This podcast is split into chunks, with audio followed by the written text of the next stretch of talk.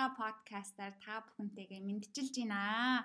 Тэгээд энэ удаагийн подкастт маань зол заяа болон цэлмэг цэцэг гэсэн хоёр охин маань оролцож байгаа. Тэгээд бүгдээрээ өнөөдөр Америк улсад Mongolian American гэж нэрлэдэг тийм Америкт өсөж төрсэн монгол хүүхдүүдийн experience ямар байдгийг болон залзай болон зэлмэг цэцэг хоёр яг одоо юу хийж байгаа юм ямар зорилготойгоор ямар зорилготойгоор өөрсдийнхөө гай блогийг бичдгээ өнөөдөр та бүхэнтэй ярилцах болно. За тэгээ бүгдээрээ зал заяатайгаа танилццгаая. Сайн байна уу? Намайг зал заяа гэдэг. Би өнөөдөр хятадаас ярьж байна. Би 16 жил, 15 16 жил Америкт амьдарсан. Тэгвэл өнөөдөр би англиар ярьж байна. За. Хай. Цэлмэг цэцэг. Аа, сайн байцгаана уу? Намайг Цэлмэг цэцэг гэдэг. Би одоо Америкийн DC хотоос ярьж байна. Аа, би одоо Америкт 15 жил болж байна. Тийм болохоор бас англиар ярина.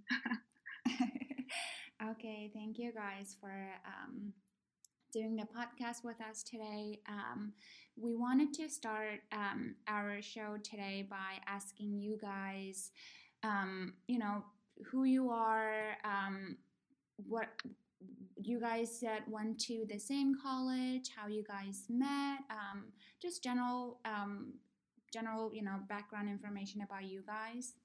Mm-hmm. Yeah, sure. So I can start. So I'll start from the beginning. Uh, I was born in Mongolia, um, and I did kindergarten there. But around six years old, I moved to the U.S. with my parents, and this is like in 1998 or 1997, I believe. Uh, we moved to D.C. to the Northern Virginia area, Arlington, uh, which is a very big Mongolian community now. But back then, there was very, very few Mongolians. Um, I moved around quite a lot through my experience in the U.S. We were in D.C then we were in Virginia, then we moved to like New Jersey, New York. I went to boarding school in Pennsylvania, and then I ended up at uh, Kenyon College in Ohio, which is where I met T.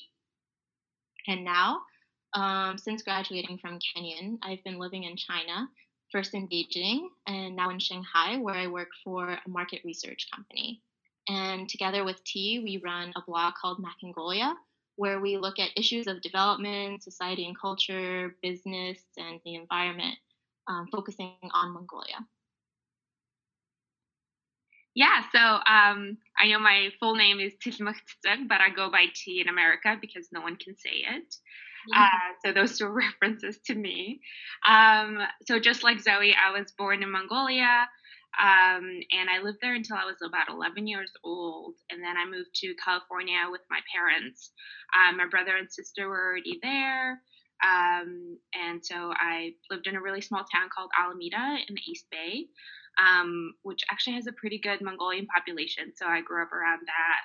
Um, and I went to middle school and high school in Alameda and then I went to Kenyon and met Zoe there actually on um, not even as a student. I went there as a prospective student to visit the campus with my brother, and uh, Zoe came to pick me up. And she was like, Are you Mongolian? And I was really shocked because no one just right out asks you if you're Mongolian. Um, and I was like, Yeah, sure. And she was like, Oh, me too and it was like a sign to be uh, in the middle of Ohio among the cornfields. I had to go to the school in Ohio. um, I studied international development and I also um, grew up speaking Russian, so I continued on studying that in college as well. And um, now I live in DC and I work in international development um, and so global work in promoting health. Uh, yeah. Great. Um, awesome. So you guys both came to the United States when you guys are really young, right? Uh, Zoe when you're six and T when you're 11 years old.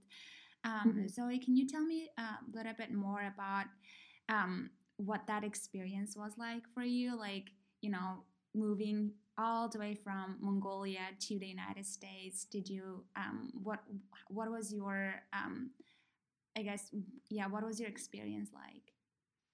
I think looking back on it, and I haven't had a lot of time to reflect on that earlier period of my life because I think it was very confusing. But uh, this was like the 90s in America, which was great. There was, you know, a surplus, and like going from Mongolia to America, you just had so much stuff a lot of like auditory, visual, a lot of different types of food. I remember we used to go to Costco all the time. I got really into bananas. I remember bananas tasting like very delicious at that point in my life. now they're not that interesting, but um, yeah, uh, back then it was it was pretty confusing. It took me at least two years to completely learn English. So I think for a little bit, I, I I was kind of switching between Mongolian and English, obviously taking ESL classes, but I had a great time. And my parents were really, really supportive, and Arlington was a really great neighborhood to grow up in. Um, and now, when I look at the Mongolian community now and kids that are growing up Mongolian American, I can see how many um, resources they have, right? So I know there's like Mongolian school, they can learn Mongolian, they can take uh, music classes and all of this extra support. So I kind of wish I had that because I think by trying to catch up with my American peers in English and everything, I lost a lot of my like Mongolian heritage, Mongolian culture. And so that's something that as an adult, I'm trying to pick up more and more. I'm trying to kind of prioritize that in my life right now. What about you, T? I know you were on the other side of the coast, so I don't yeah, know if it was, definitely. Um, older. Yeah, so I was 11 when I moved, and I already spoke uh, Mongolian and Russian by the time I moved to the U.S. So I think I don't really remember like struggling to learn English weirdly, and I didn't. I wasn't signed into ESL classes. I'm not sure why. Um, mm-hmm. But my grades, I, I got like C's and stuff when I first moved, and I was in the sixth grade. Um, and then I remember getting called to the admissions office of my middle school, and I was like in the seventh grade. And they were like, oh, you should have been in ESL classes, but I see that you're passing all of your classes. So mm-hmm. I'm just going to keep you where you are. And I think that really um, led to just you know, accepting that these are the classes I'm going to take and I'm going to do the best that I can. And by the time I graduated from middle school, I was the co president of my uh, class and I had gotten straight A's. Um, so it worked out really well for me. Um, and I also, yeah. And so I also had an in with uh, the, I guess, the Mongolian community because I had a support system both my parents as well as my siblings, my brother and my sister were mm-hmm. already established, especially my brother. Um, so that was really great because we always had people like speaking in Mongolian in the house or people coming in and out. Um, and that was really great. And I also dance Mongolian folk dances.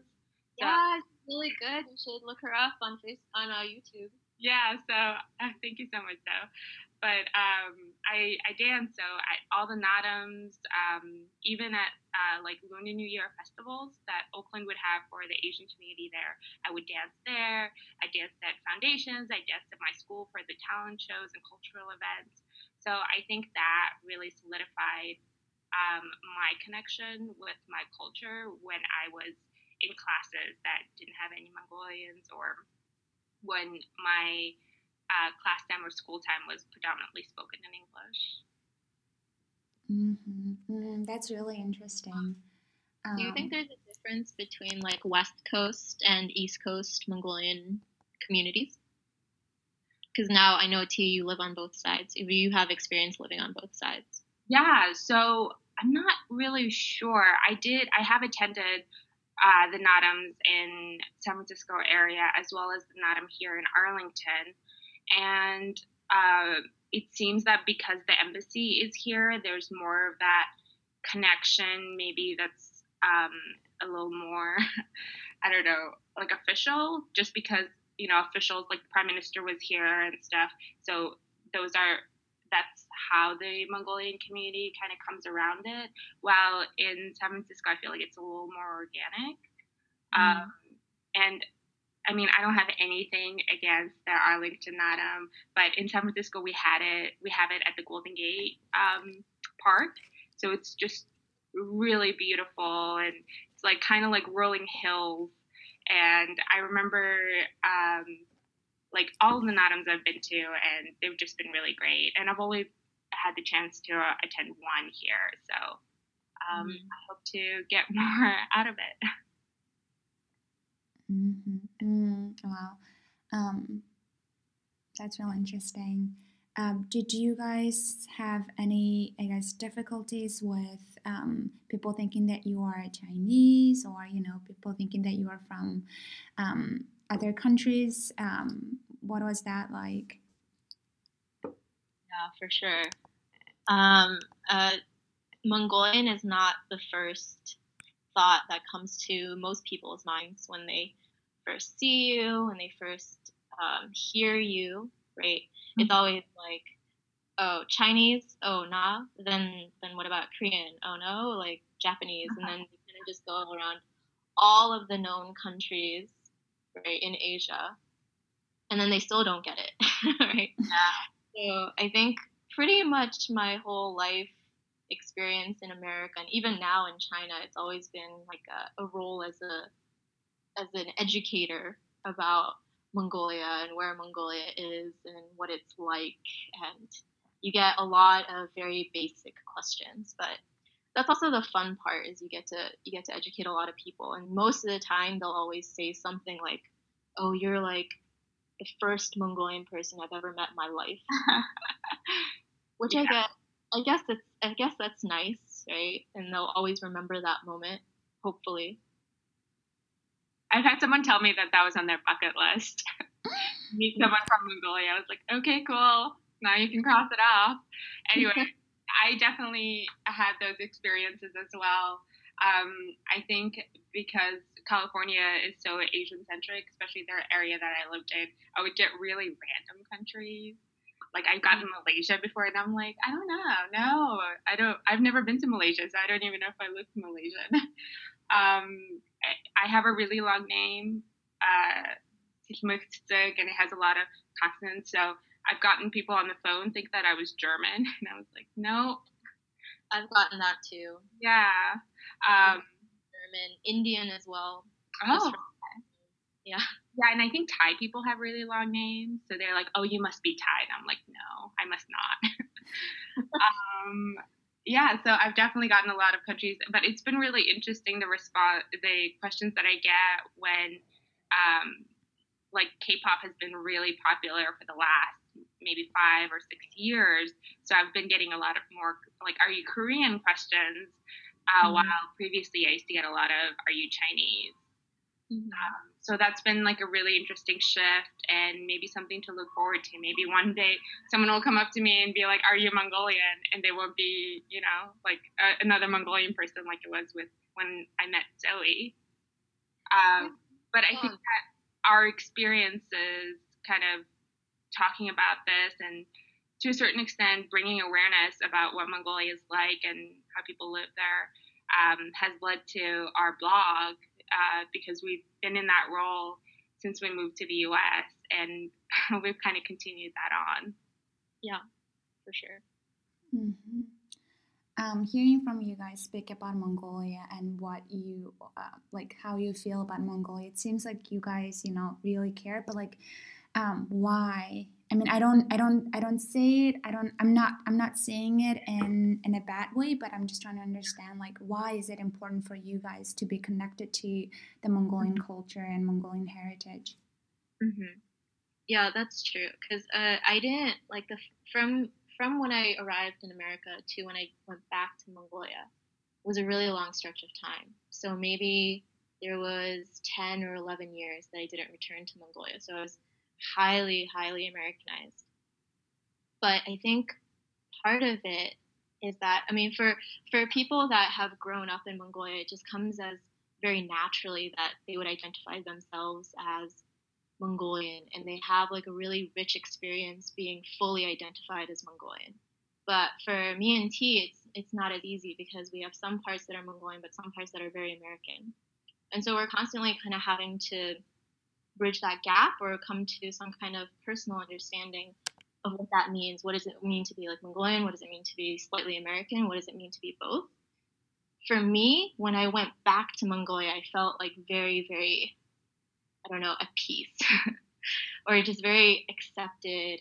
And I loved, you know, being around my family. I loved the food. I loved kind of just like walking around and remembering places that I hadn't seen since I was like five or six. And for me, I have a very vested interest in seeing Mongolia develop into the type of country where one day I might be able to permanently move back and live there. Um, and that's where it comes from me. And my family is there. Like my family has moved all the way back to Mongolia. So when I go home, I go home to Mongolia. And I think I think it's just you grow up with certain memories, like certain smells and certain feelings, and that has had a really strong impact on me since I was little. So when I go to Mongolia, all those feelings come back, and it just makes me feel very, very comfortable. Yeah, I can definitely second that. Um, I think part of it is pride. I have a lot of pride that I'm Mongolian. Um, I have like Mongolian hatak paintings, you name it, I probably have it. um, and and it stems from my family and uh, my support system. Um, I would spend time talking to my dad and asking him how life was like um, when he was growing up in Mongolia, and um, he grew up in the north.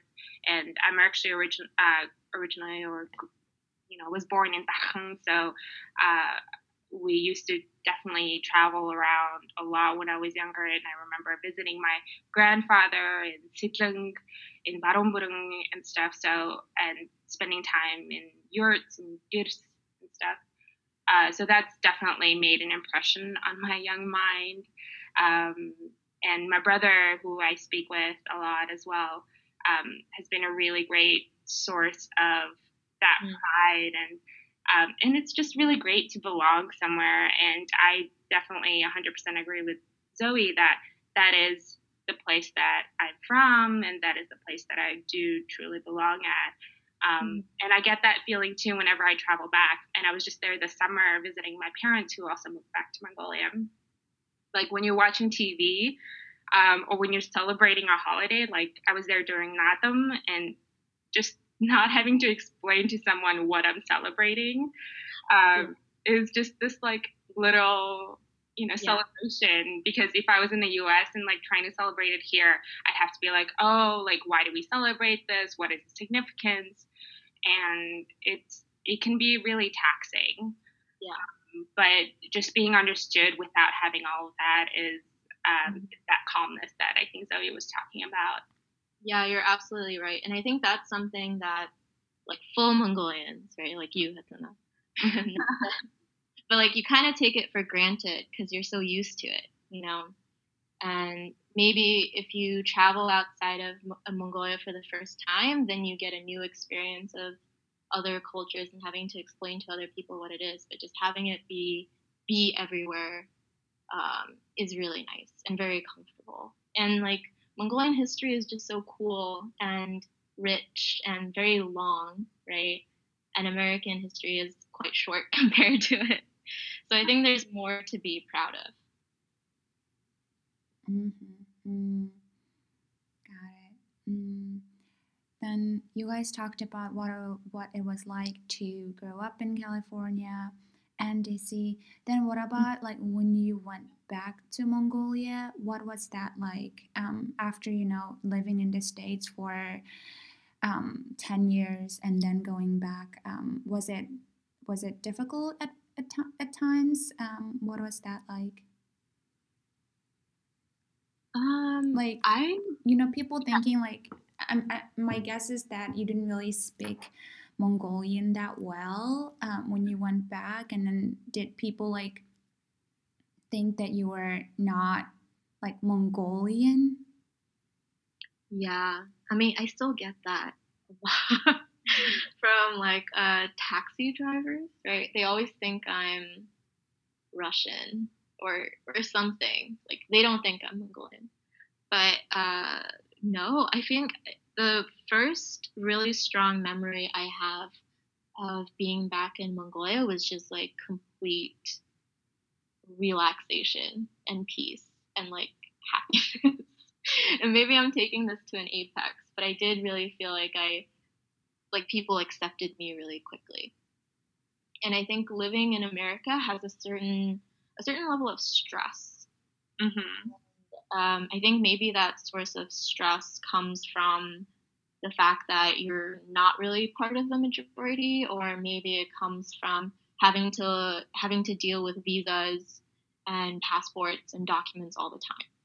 And when you when I went back to Mongolia, like all my paperwork was there, and it was just it was just easy. Like I could go and vote, right? And I was already registered there, and they were like, "Oh, we've been we've been waiting for you to come, right?"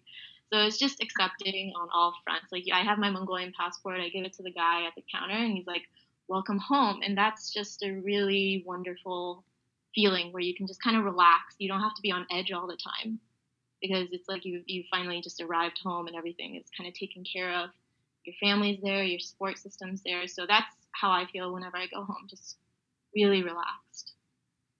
Yeah, um, I would definitely agree, but uh, there were definitely some times where I was like, "What's going on here?" um, when I first went back to Mongolia, I think it was after ten years of having been in the U.S and I went back with my dad. Um, and I was doing an internship um, at the uh, American Center for Mongolian Studies, um, and it was, you know, the I've traveled internationally because you know I do international development, uh, but the sense of I think private space was really interesting, and I was not expecting. Um, just like standing in lines and being told that you're not actually in line because the person in front of you there's just too much space between the person in front of you and it's like oh i just got cut by like three or four other people because i guess yeah. that's how much there was space for um, and i would be walking around with my dad um, who i was there with and he'd be like i swear god there was a road here but because we hadn't been in mongolia for 10 years there was just so much development that happened that the road that he was looking for was blocked by a new building. Um, mm-hmm. So I think that was definitely something really interesting, but as well as really frustrating when we went back.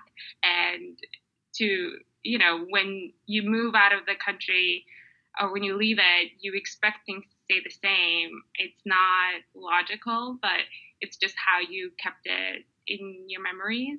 And I think going back and having that completely shattered uh, to a good extent and to bad sometimes or to surprising uh, was really interesting. And I mean, I still feel that calmness whenever I go back. Um, but I also am excited to see about how the differences are and how Mongolia continues to develop. And that's why um, I think Zoe and I continue to stay in contact because we're both passionate about these things. Yeah, for sure. Mm-hmm. I mean, there's yeah lines, for example, are very erratic. Yeah, I, I, don't know why. I just get so frustrated. Than you usually are. Um, I also sometimes mostly feel like a complete idiot because expressing myself can be quite hard. Mm-hmm. Uh, and you also need a lot of help just like doing regular things like going to the bank, for example, and filling out a form, and I'm like, oh, I don't know how to do this right now. yeah. just more reliant on my parents than I would be other places, right? So those are those are the struggles, but I, overall, it's positive for me. I know other people have had different experiences. Mm-hmm. Mm. And um, you guys talked about, well, you guys do um, a blog about Mongolia. Um, can you tell me more about it? Um, and, and, you told me that it stems from your interest in, you know, learning more about Mongolia and seeing Mongolia develop. Um, mm-hmm. How long have you guys been doing the blog? And um, you, you touched on it before um, for a little bit, but can you tell me more about it? Yeah, sure. So our blog is called Macongolia, so M A C O N G L I A. And um, oh wait, did I spell that wrong? wait, why yeah, do you have Mac in front? M A C O N G O L I A. There you go. Um, and the blog actually started after I graduated college in 2014 because that year Tia and I were lucky enough to win a Davis Project for Peace, which gave us a $10,000 grant to carry out whatever kind of project in international development that we wanted. So obviously we wanted to bring it to Mongolia. And we brought it to Darkhang, um, or near Darkhang, Darkhangor, mm-hmm. Because um, that's where T's parents used to teach and work. Um, and there we used the $10,000 grant to build a greenhouse for the school there. And the school mostly helps um, boarding school students from nomadic families, from herder families. And the greenhouse, um, we grew what? What did we grow? Tomatoes, peppers, and cucumbers. Yeah, so we spent that summer um, in 2014 building up the greenhouse, getting all the seeds, planting the seeds, and then um, teaching half English, half nutrition lessons to the community. Um, and it ended up doing quite well, and it still exists, and it's still producing um, cucumbers and tomatoes, I think. Just cucumbers now. Just cucumbers now, and they can pickle it for supplemental nutrition throughout the winter.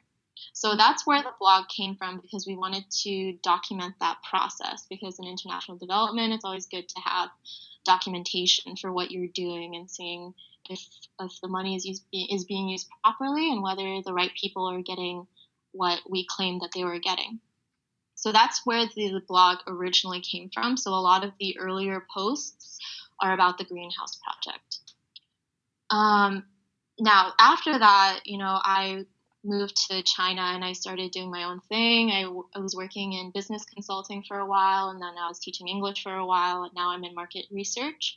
And I found that for me, from NT went back to America, to DC, to work in international development at different agencies.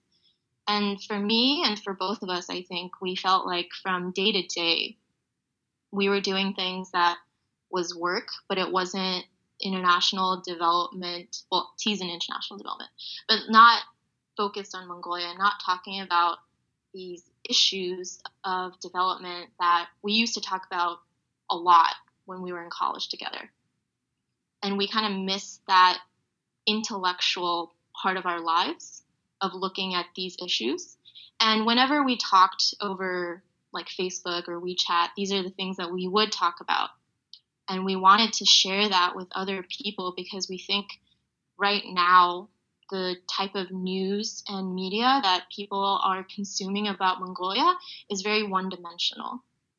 So you'll always hear about like I don't know, like a nomadic type of culture that's kind of stuck in the past, or you'll hear about um, like like bonds, like crazy bonds, and so people always have like people outside of Mongolia will have a very simple view of Mongolia, and they don't see like the richness that's underneath and really the complexity of questions that are coming out due to its rapid development and the tradition and the culture. So we wanted to talk about all of this and we wanted to share it with more and more people. And that's where the blog really came out of. And in the last year, I'd say we've made a lot more progress than we have in previous years.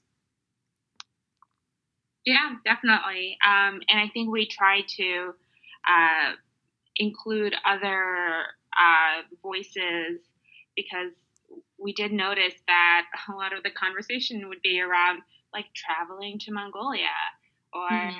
oh I found myself in you know the steppes of Mongolia and it's like okay great you spent like 4 years in Mongolia in a year because you wanted to find yourself and you people are always just talking about like the rolling hills and stuff and which is true but there's so much more to Mongolia than just you know, the beautiful steppe and I mean, I definitely focus on that when I talk about Mongolia because that's um, that's what I think of when I think of home. But it is, like Zoe said, so dynamic and so interesting, um, and I just don't think it gets the the attention that it very well deserves or the talk time. Um, and I think that's partially because we have such a small population. Um, but I, I mean, I'm really excited to be talking about my experiences and really looking analytically about what's been going on in Mongolia. And I'm so glad to have this blog because it's such a great avenue for it. And I hope other people are looking at it as well. Mm-hmm.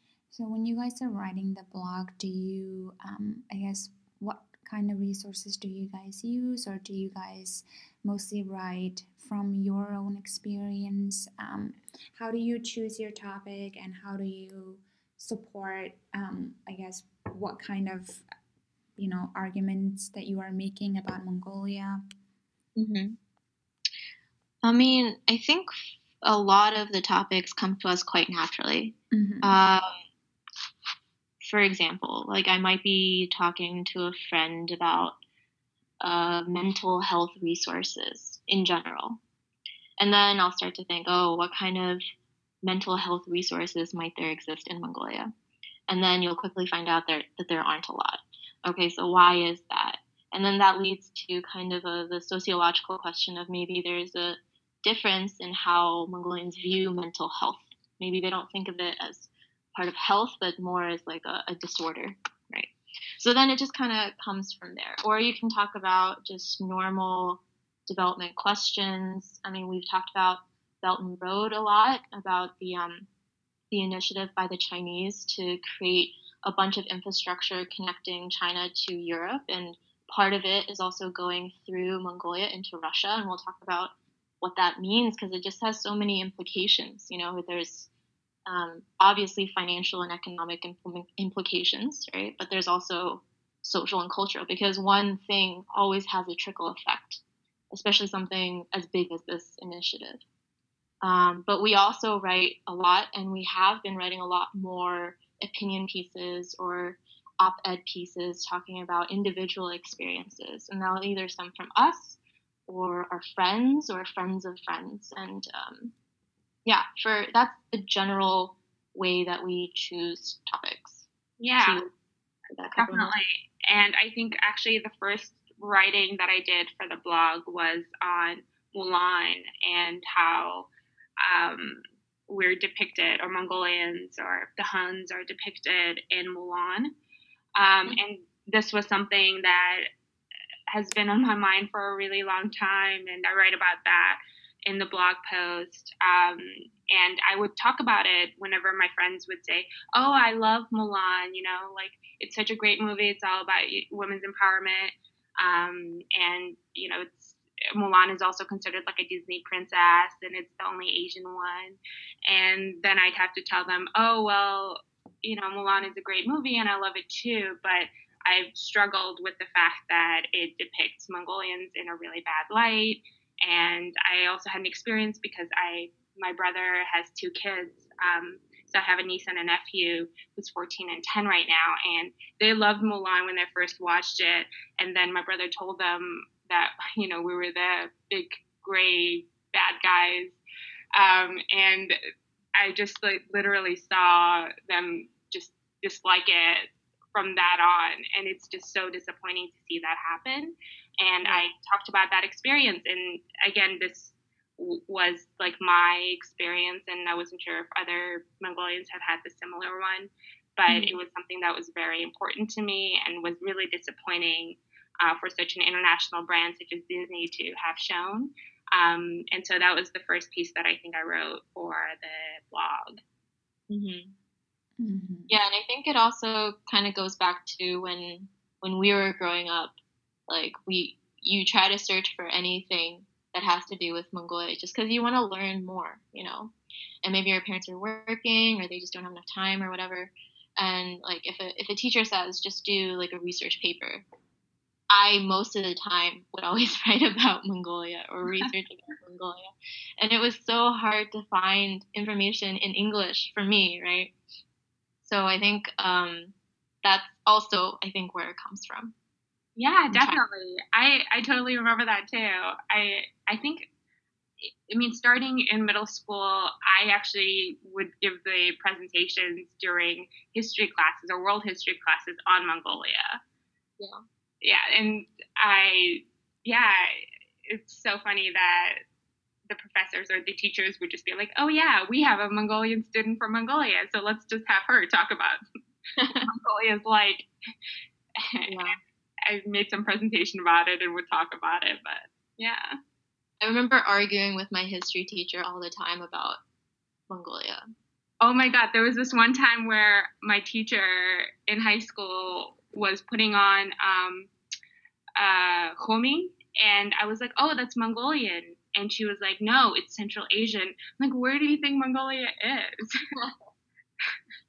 Yeah, I remember in ninth grade, my history teacher said that Alexander the Great built the largest empire in the world, and I was like, oh no no. no, no, no, no, no.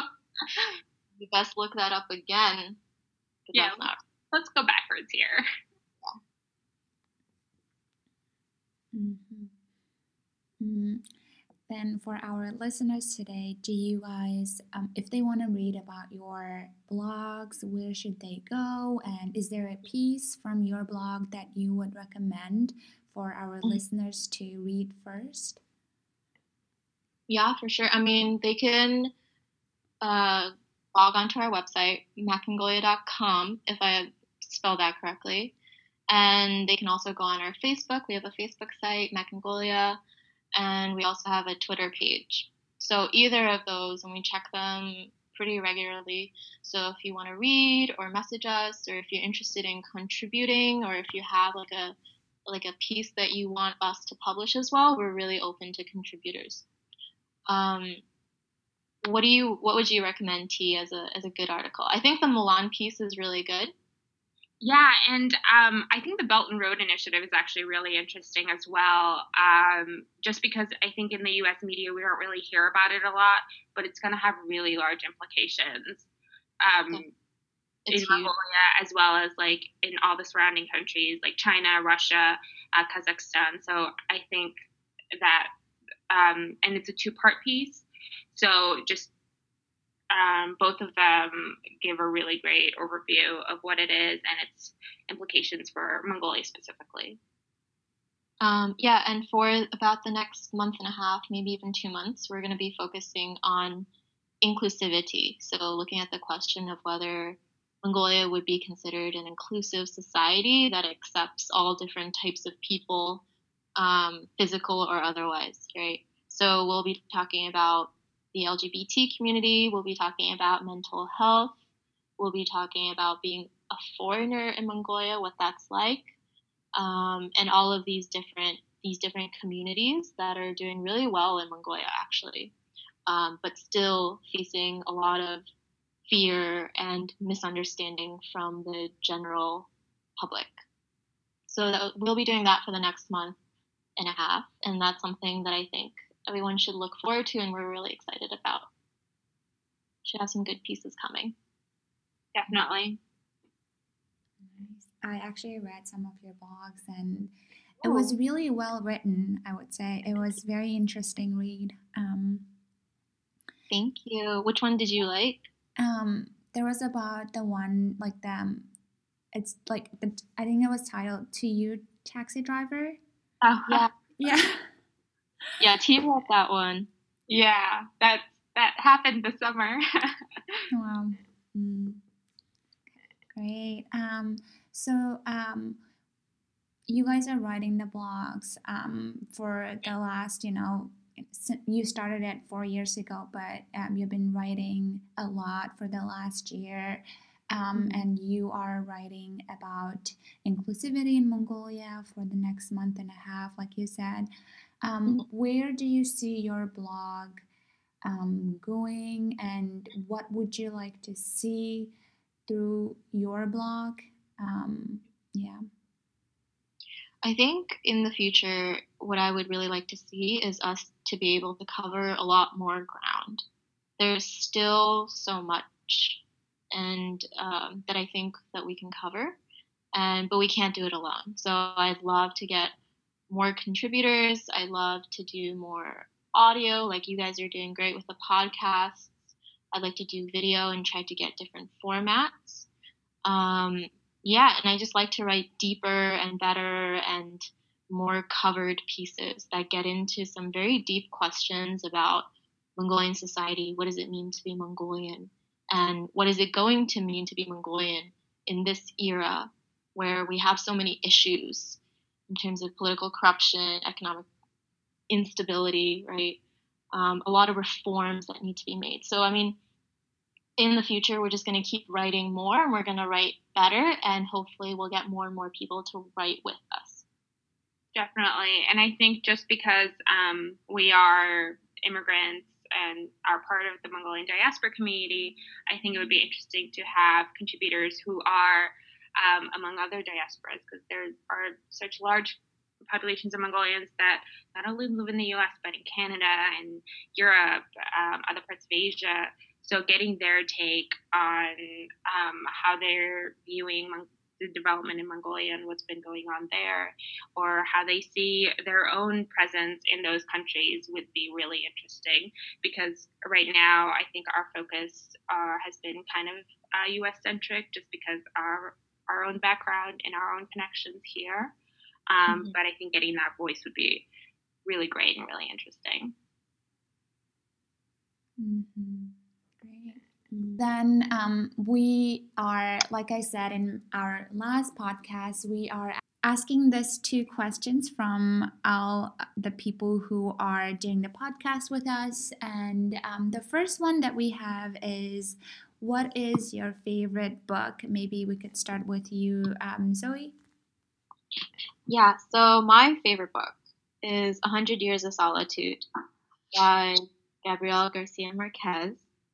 It's probably one of the best books that have ever been written because it's so the plot line and the character characters are so complex. And so the the basic summary is that it follows a hundred years, right, of this of the Buendia family, and they live in this very remote part of the world called Macondo. Um, and there's a lot of stuff that happens in this little tiny village, and it's a it's in the genre of magical realism. So it's crazy things will happen, but people treat it like it's completely normal, which is what I think I really like about the book. And I, it's also very well written and so well thought out. Like the plot lines eventually come together, and you're following just basically a hundred years of this family. Crazy things are happening, but it all kind of makes sense at the end. So I think it's it's a masterpiece, and it's my favorite book ever so far. um, I, I, can go next. Um, my favorite book is probably just The Great Gatsby from Scott F. Fitzgerald. I read it in high school, and I try to read it every few years um, again, and it's I just relate a lot to it because it's about a person who is trying to fit in to a society that's already established. And I think being an immigrant, um, that inevitably happens, just trying to fit in with your surroundings or with what the status quo is, um, or what you're trying to come to, um, like the American dream idea. Uh, so that's definitely my favorite book. And it's a really short read, so I try to read it every few years. And I'm actually reading a Mongolian book right now, uh, and I got it as a gift when I was there this summer. So nice. I like it so far. Mm, Great Gatsby. I read it too. Um, but I remember like talking about how like we were talking about how it didn't really like depict the American dream, like how it was saying like the American dream no longer exists or something like that, or uh, or did I just completely misunderstood it? no, that's that's what it's saying that like that it's unattainable, that it's this idea that's so romanticized that it's just unattainable, and I think that's so interesting because um, I think again being an immigrant you try to attain this thing that everyone talks about and that you see pieces of everyone getting like oh like that family has you know purchased their own house and that's like a part of the american dream or mm-hmm. um or you know go to harvard or whatever. Um and it's really interesting because you try to work towards it but it's it's at the end of the day not attainable. It's it's purely fictional and there's comfort in that. awesome. Um, yeah, Great Gatsby and Hundred Years of Solitude are both um, classics. Um, mm. Yeah, loved by a lot of people. Um, then, um, how about your favorite quote? Do you have a favorite quote, T? Um, so I don't really have a favorite quote, but there is something that I look at every day, and it's in my room. It's a painting that my dad made for me when he came to visit me, um, and it's a painting of a wolf. Um, and he, you know, he asked me what I wanted a painting of, and I was like, either a horse or a wolf, which are very stereotypically Mongolian things. And he was already making a painting of a horse, so I was like, I'll take the wolf. Um, and you, I'm from northern part of Mongolia. Um, wolves are like symbolisms, you know, um, chun and so I just grew up really loving wolves. Um, we love going to like Native American stores and getting imagery of wolves. Uh, of course, there's that story about uh, Mongolians being descendants from wolves. So it was just very fitting. mm-hmm. I always like, you know, like in America, wolves are not considered like that, you know, the animal that you like look at and get inspiration from but then in mongolia it's like a big thing um, mm-hmm. would you when you tell people about like what wolf represents in mongolia did you have like a i don't know like reaction from people yeah so so i think it depends on who i'm speaking with mm-hmm. um, my best friend is actually uh, native american so when i tell her it totally makes sense to her um, because uh, you know, some Native American tribes do take a lot of imagery from the uh, nature around them, mm-hmm. um, like bears and wolves and such. So that is really great. But if I'm talking with someone who wouldn't understand it, I kind of have to give them like the rundown of what it means to us and then why we symbolize it so highly. Great. Um, how about you, Zoe? So for me, I think there's two, I guess not quotes, but just two ideas or sentences that I live by or try to remind myself whenever things get difficult or hard. So the first one would be that there's always an opportunity in every difficulty. So even if things seem like they're too hard or it's hard to keep going, just always look at it from a different perspective and there might be a gain there whereas you thought it was all loss. So that's the first one. Um, the second one would probably be that it's not over till it's over. So just keep going, and it's not over until you say it is. Mm-hmm. Awesome. I like both of them. I think it's um, really nice thing to remind yourself. Um, then um, I wanted to maybe like talk a little bit about like when you guys are like just now talking about like you know um, like explaining what wolf represents in Mongolia. I was just um, remi- like I was thinking about the Crazy Rich Asians. have you guys both? Have you seen it? Huh? Have you seen the movie? I did, yeah. I saw the credits and I saw a Mongolian name. yes, there's actually a Mongolian playing. I saw her. Like after I watched it, I listened to her speak and then I was like, oh, she does have Mongolian accent. um, I haven't seen it yet because it hasn't come out here in China yet. Mm-hmm. So. It came out in like August, Zoe. How long is it gonna take? I don't know. I don't know. Maybe I'll just watch it online. okay, great. Um, I think it was a really interesting um, conversation that we had today um, that people might find it interesting because there's not a lot of you guys, I believe, um, in America who, you know, like Mongolian Americans. Um, there's a lot of like Mongolians who immigrated here, um, but they grew up in Mongolia. Um, but you guys are different. Uh, you guys have different experiences. So I think it, it was a really interesting um, episode. Do you guys have um, anything more to say? Um, do you is there anything that I didn't ask you guys that you guys want to talk about? Um, I think it's really interesting that you're talking about how, uh, you know, being Mongolian from having spent a lot of time in Mongolia versus um, like Zoe and I, who kind of straddled both. But I think there's actually a new generation that is Mongolian American, but that has spent most of their lives in America. And mm-hmm. I see that with my niece and nephew, who are, again, very young, they're 14 and 10.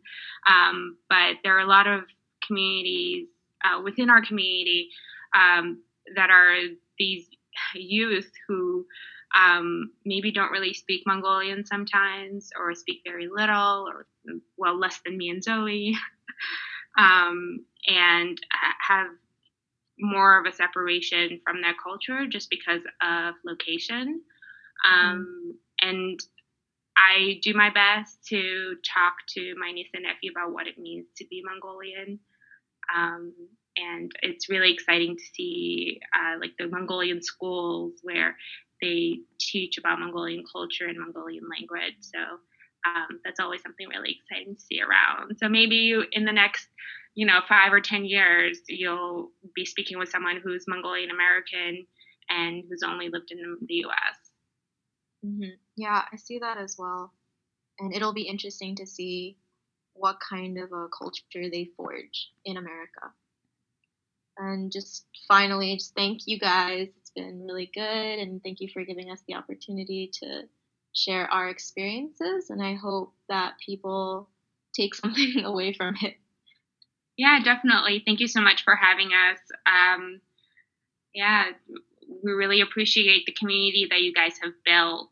Um, I was a part of it when I was a Kenyon, but I think just because Kenyon is so far out in the middle of nowhere, it was a little hard to uh, reach out. And Zoe and I had each other as well, so that was really great. But thank you for uh, creating a community of students and having a space.